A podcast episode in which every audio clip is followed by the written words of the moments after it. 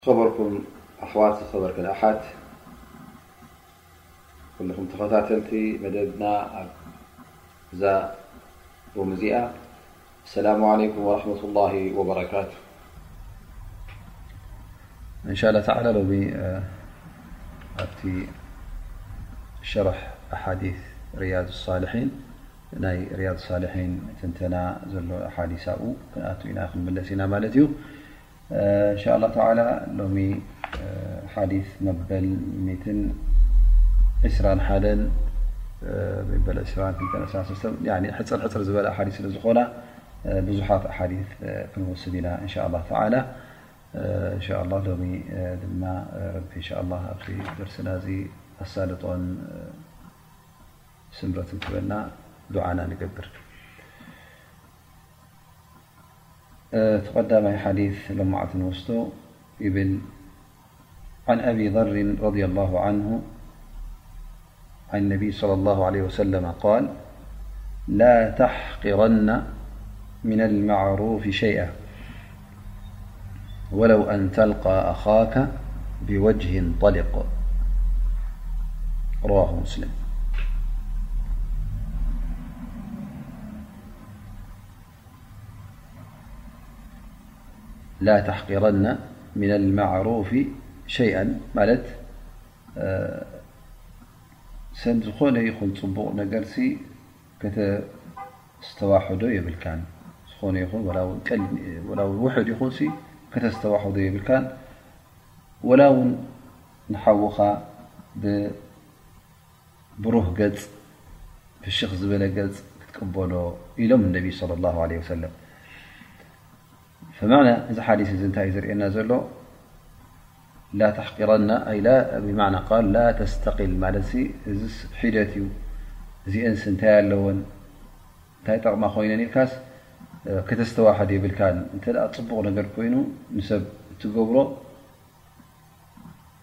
እቲ ቀንዲ እቲ ናህካ ንያ እቲ ናትካ ድልየት እቲ ኼር ምድላይካ እሱ እዩ ዝረእ ዘሎ ማለት እዩ ፈ ስለዚ እዝስ ሒደት እዩ እዝስ ቁሩብ እዩ እዚኣስ እንታይ ጥቕሚ ኣለዋ ኢልካ ክትገድፋ የብልካን ምናልባሽ እስኻ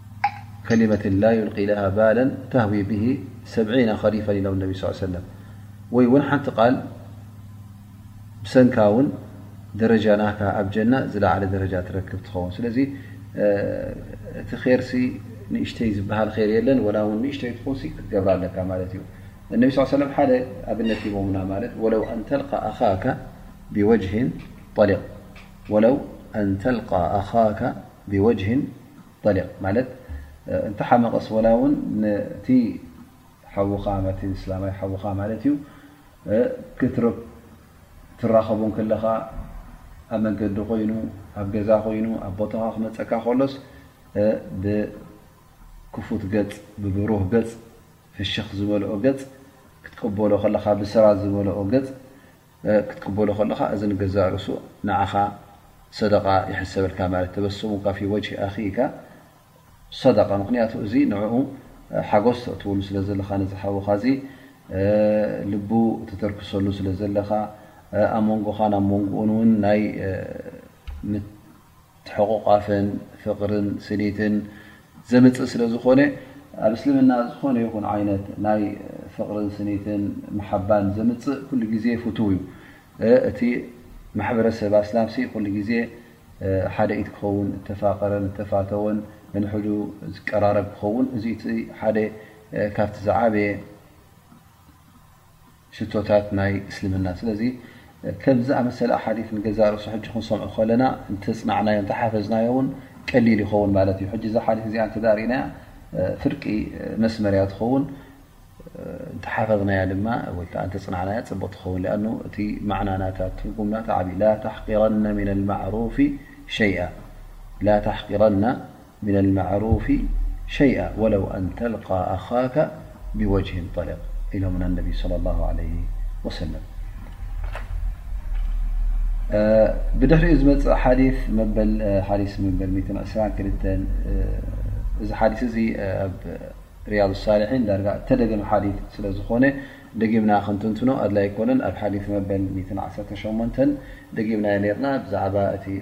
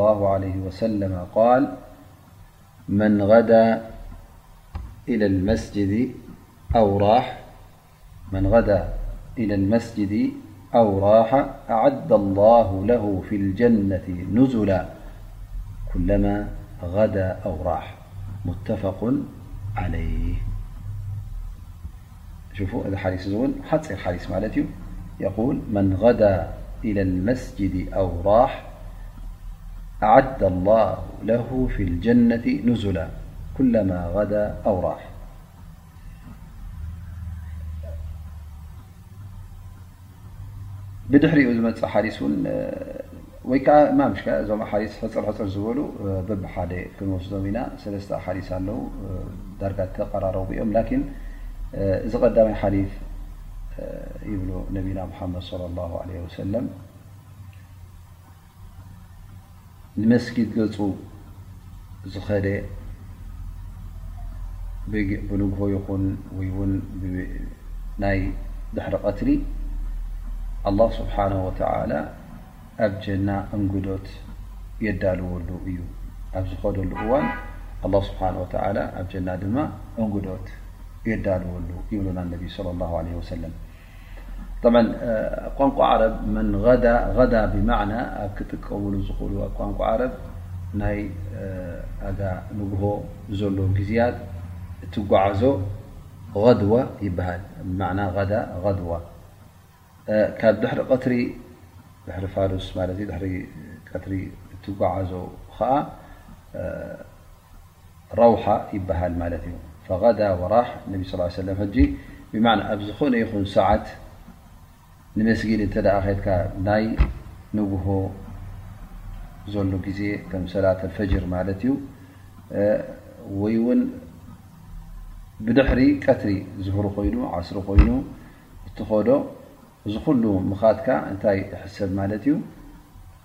ኣብ ዝኾነ ሰዓት ክትከይድ ከለኻ ንመስጊድ ኣላህ ስብሓነ ወተዓላ ፍልይ ዝበለ ኣጅሪ ይገብረልካ እዩ። ልክዕ ሓደ ሰብ እንተ ትፈትዎ ጋሻ መፀካ ኣሎ ኮይኑ ክመፀካ ከሎ ሕጂ ኣብ ዝመፀካ እዋን እንታይ ተዳልወሉ እንግዶት ፅቡቕ መጋየሺ ዝኸውን ፅቡቕ መቐበሊ ዝኸውን ዝብላዕ ዝስተ ተቕርበሉ ማለት እዩ። ፈኢዘን ሁና ነቢ ስ ሰለም ቃል ኣዓደ ላሁ ለሁ ፊል ጀነቲ ኑዙላ ኣኑዙል ኑዙል እንታይ ማለት ይብሉ ዝኾነ ይኹን ዓይነት ዝምገብ ነገር ዝብላዕ ዝስተ ንጋሻ እተዳልዎ እንግዶት እዩ ላህ ስብሓን ወተዓላ ንባሪኡ ሊላ ኢሉ ንመስጊድ ገፁ ስለ ዝኸይድ ዘሎ ኣብ መስጊድ ከ እንዳ ክገብር እዩ ዝኸይድ ወዲ ሰብ ክፃወት ኣይኮነን እንታይ ደኣ መስጊድ ቦታ ናይ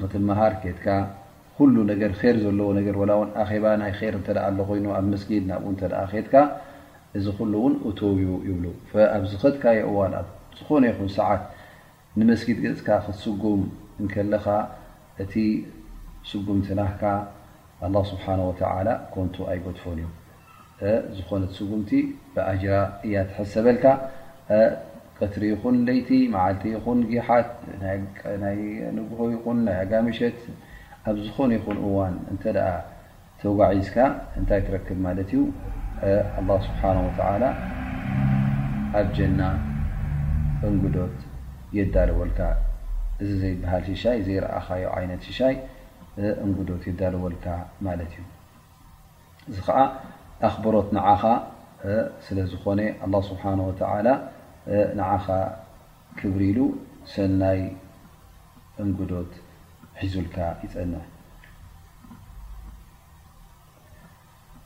እዚ ድማ እንታይ እዩ ዘርእየና ዘሎ ሕጂ እዛ ትገብራ ዘለኻ ወላ ውን ቀላል ትኹን ንመስጊድ ምኻድ ከባድ ነገር ኣይኮነትን ስለዚ ቀሊል ነገር እናገበርካ ከለኻ ኣላ ስብሓን ወተላ በቲ ፈድሉ በቲ ዕብቱ ዝበለፀን ዓበየን እንግዶት የዳለወልካ ማለት እዩ ወላ ውን እቲ ትገብሮ ዘለካ ውሑድ ይኹን ላኪን ኣጅርካ ዓብዪ ኣጅሪ ከም ምኳኑ እነሀ ኣብዚ ሓዲስ እዚ ንምልከት ብድሕሪ ዝመፅእ ሓዲስ ሓዲስ መበል ሚትን ዕስራን ኣርባዕተን ልክዕ ከምቲ ሕዝናያ ዘለና ኣርእስቲ ሻምናይ ሓዲስ ኣብዚ ርእስቲ እዚ ናይ ኣቦዋብል ር ወላ ውን ንእሽተይ ይኹን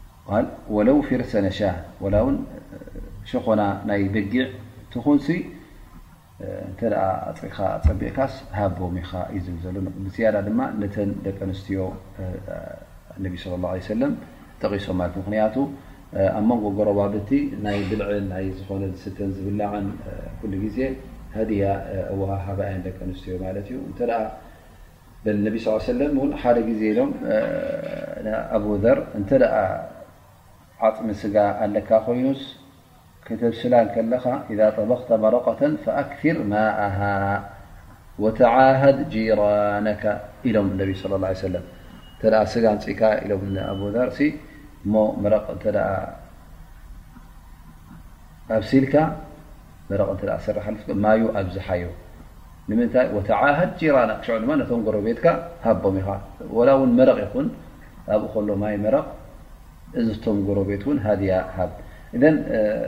ካብኡ ንላዕሊ ድማ እተ ረኪብካ ዝበለፀ ካብኡ ንላዕሊ እተ ተረኪቡ ስኻ ጎረቤት ኮይንካ ፍሩታ እተ ኣምፅእካ ስጋ ብዙሕ እተ ኣምፅእካ ካልእ ዓይነት እተ ኣምፅእካ ኣብ መንጎኻን ኣብ መንጎቶም ጎረባብትኻን ናይ ሃድያ ምውህሃብ ክርከብ እንከሎ እዚ ፍቕርን ሲኒትን የምፅእ ማለት እዩ። ከምቲ ዝበልናዮ ድማ ኩሉ ከክእለቱ እዩ ዝህብ። እዞም ጎረባብተይሲ ሃፍታማት እዮም ኢልካ ሕጂ እንታይ ክገብርዎ እዮም እዚ ኢልካ ክተብል የብልካን። ስክፍታ ክስምዓካ የብሉን ወይ ከዓ ክተድሓርሕር የብልካን። ምኽንያቱ እስኻ ክትቦም እንከለኻ እቲ ፍቕርን ስኒትን እቲ ኣብ ልብኻ ዘሎ ነዞም ሰብ እዚኦም ኩሉ ግዜ ከም ትዝክሮም ጽቡቖም ከም ትደሊ ኢኻ ተርኢ ዘለኻ ማለት እዩ። ስኢኖም ጥራይ ኣይኮነን እንተ ስኢኖም ድማ ብዝያዳ ክትግደሰሎም ኣለካ። ጎረቤትካ ጠምዩ ክሓድር እስኻ ጸጊብካ ክትሓድር ኣብ እስልምና እዚ ስራሕ እዚ ነውሪ እዩ። ረቢ ዘይፈትዎ ስራሕ እዩ። ኣን ነቢ ስለ ላሁ ዓለይሂ ወሰለም።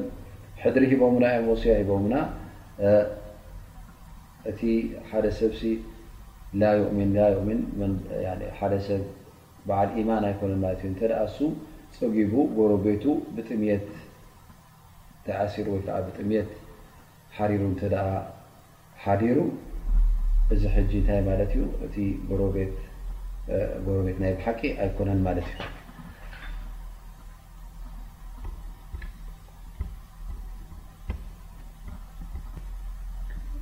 እዎ ከምቲ ዝበልናዮ መቸም ሓደ ሰብሲ ወይ ከዓ ሓንቲ ጓል ንሰይቲ ንጎረባብታ እቲ ሃድያ ክትህበን እንከላ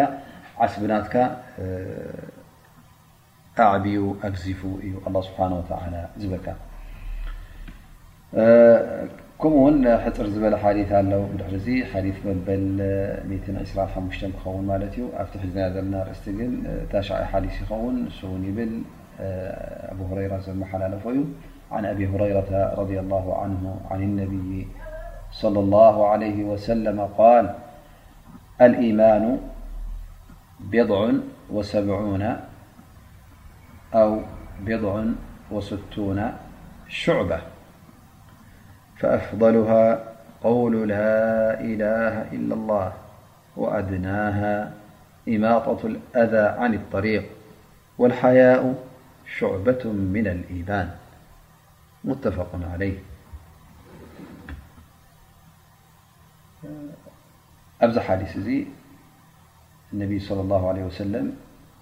ኢማን ኣብ ሰብዓን ገለን ወይ ከዓ ሱሳን ገለን ጨናፍር ከም ዝመቃቐል ይሕብሩና ኣለዎ ማለት እዩ ኣብ ሰብዓን ገለን ወይ ከዓ ሱሳን ገለን ኢሉ እቲ ዘመሓላለፈ ሓዲ ስለ ተጠራጠረ ከምዚ ገይሩ ጠቂስዎ ማለት እዩ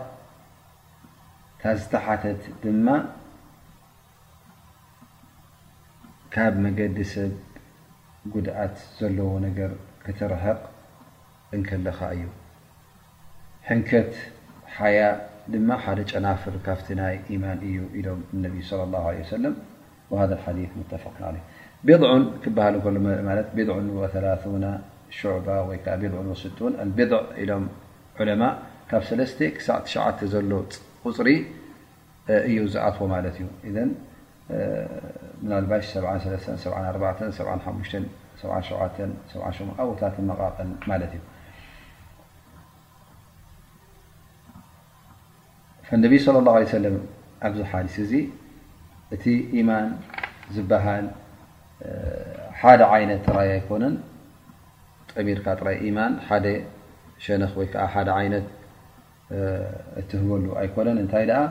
ኢማን ዝበሃል ናብ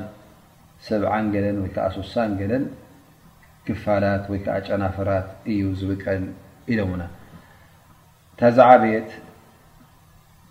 እታ ሰማይን መሬትን እትመዝን ቃል ከኣ ቃል ላኢላሃ ኢላላህ እያ። እዛ ቃል እዚኣ ዓባይ ቃል እያ፣ ዝለዓለት ቃል እያ፣ ኣብ ኢማን እውን ዓቢ ሚዛን ዘለዋ እዩ። ስለዚ እንተደኣ ተመዚና ሰማይን መሬትን እውን ከሊመትልእኽላስ ስለ ዝኾነት ንሰማይን ምድርን እውን ምኸበደተን ነይራ ማለት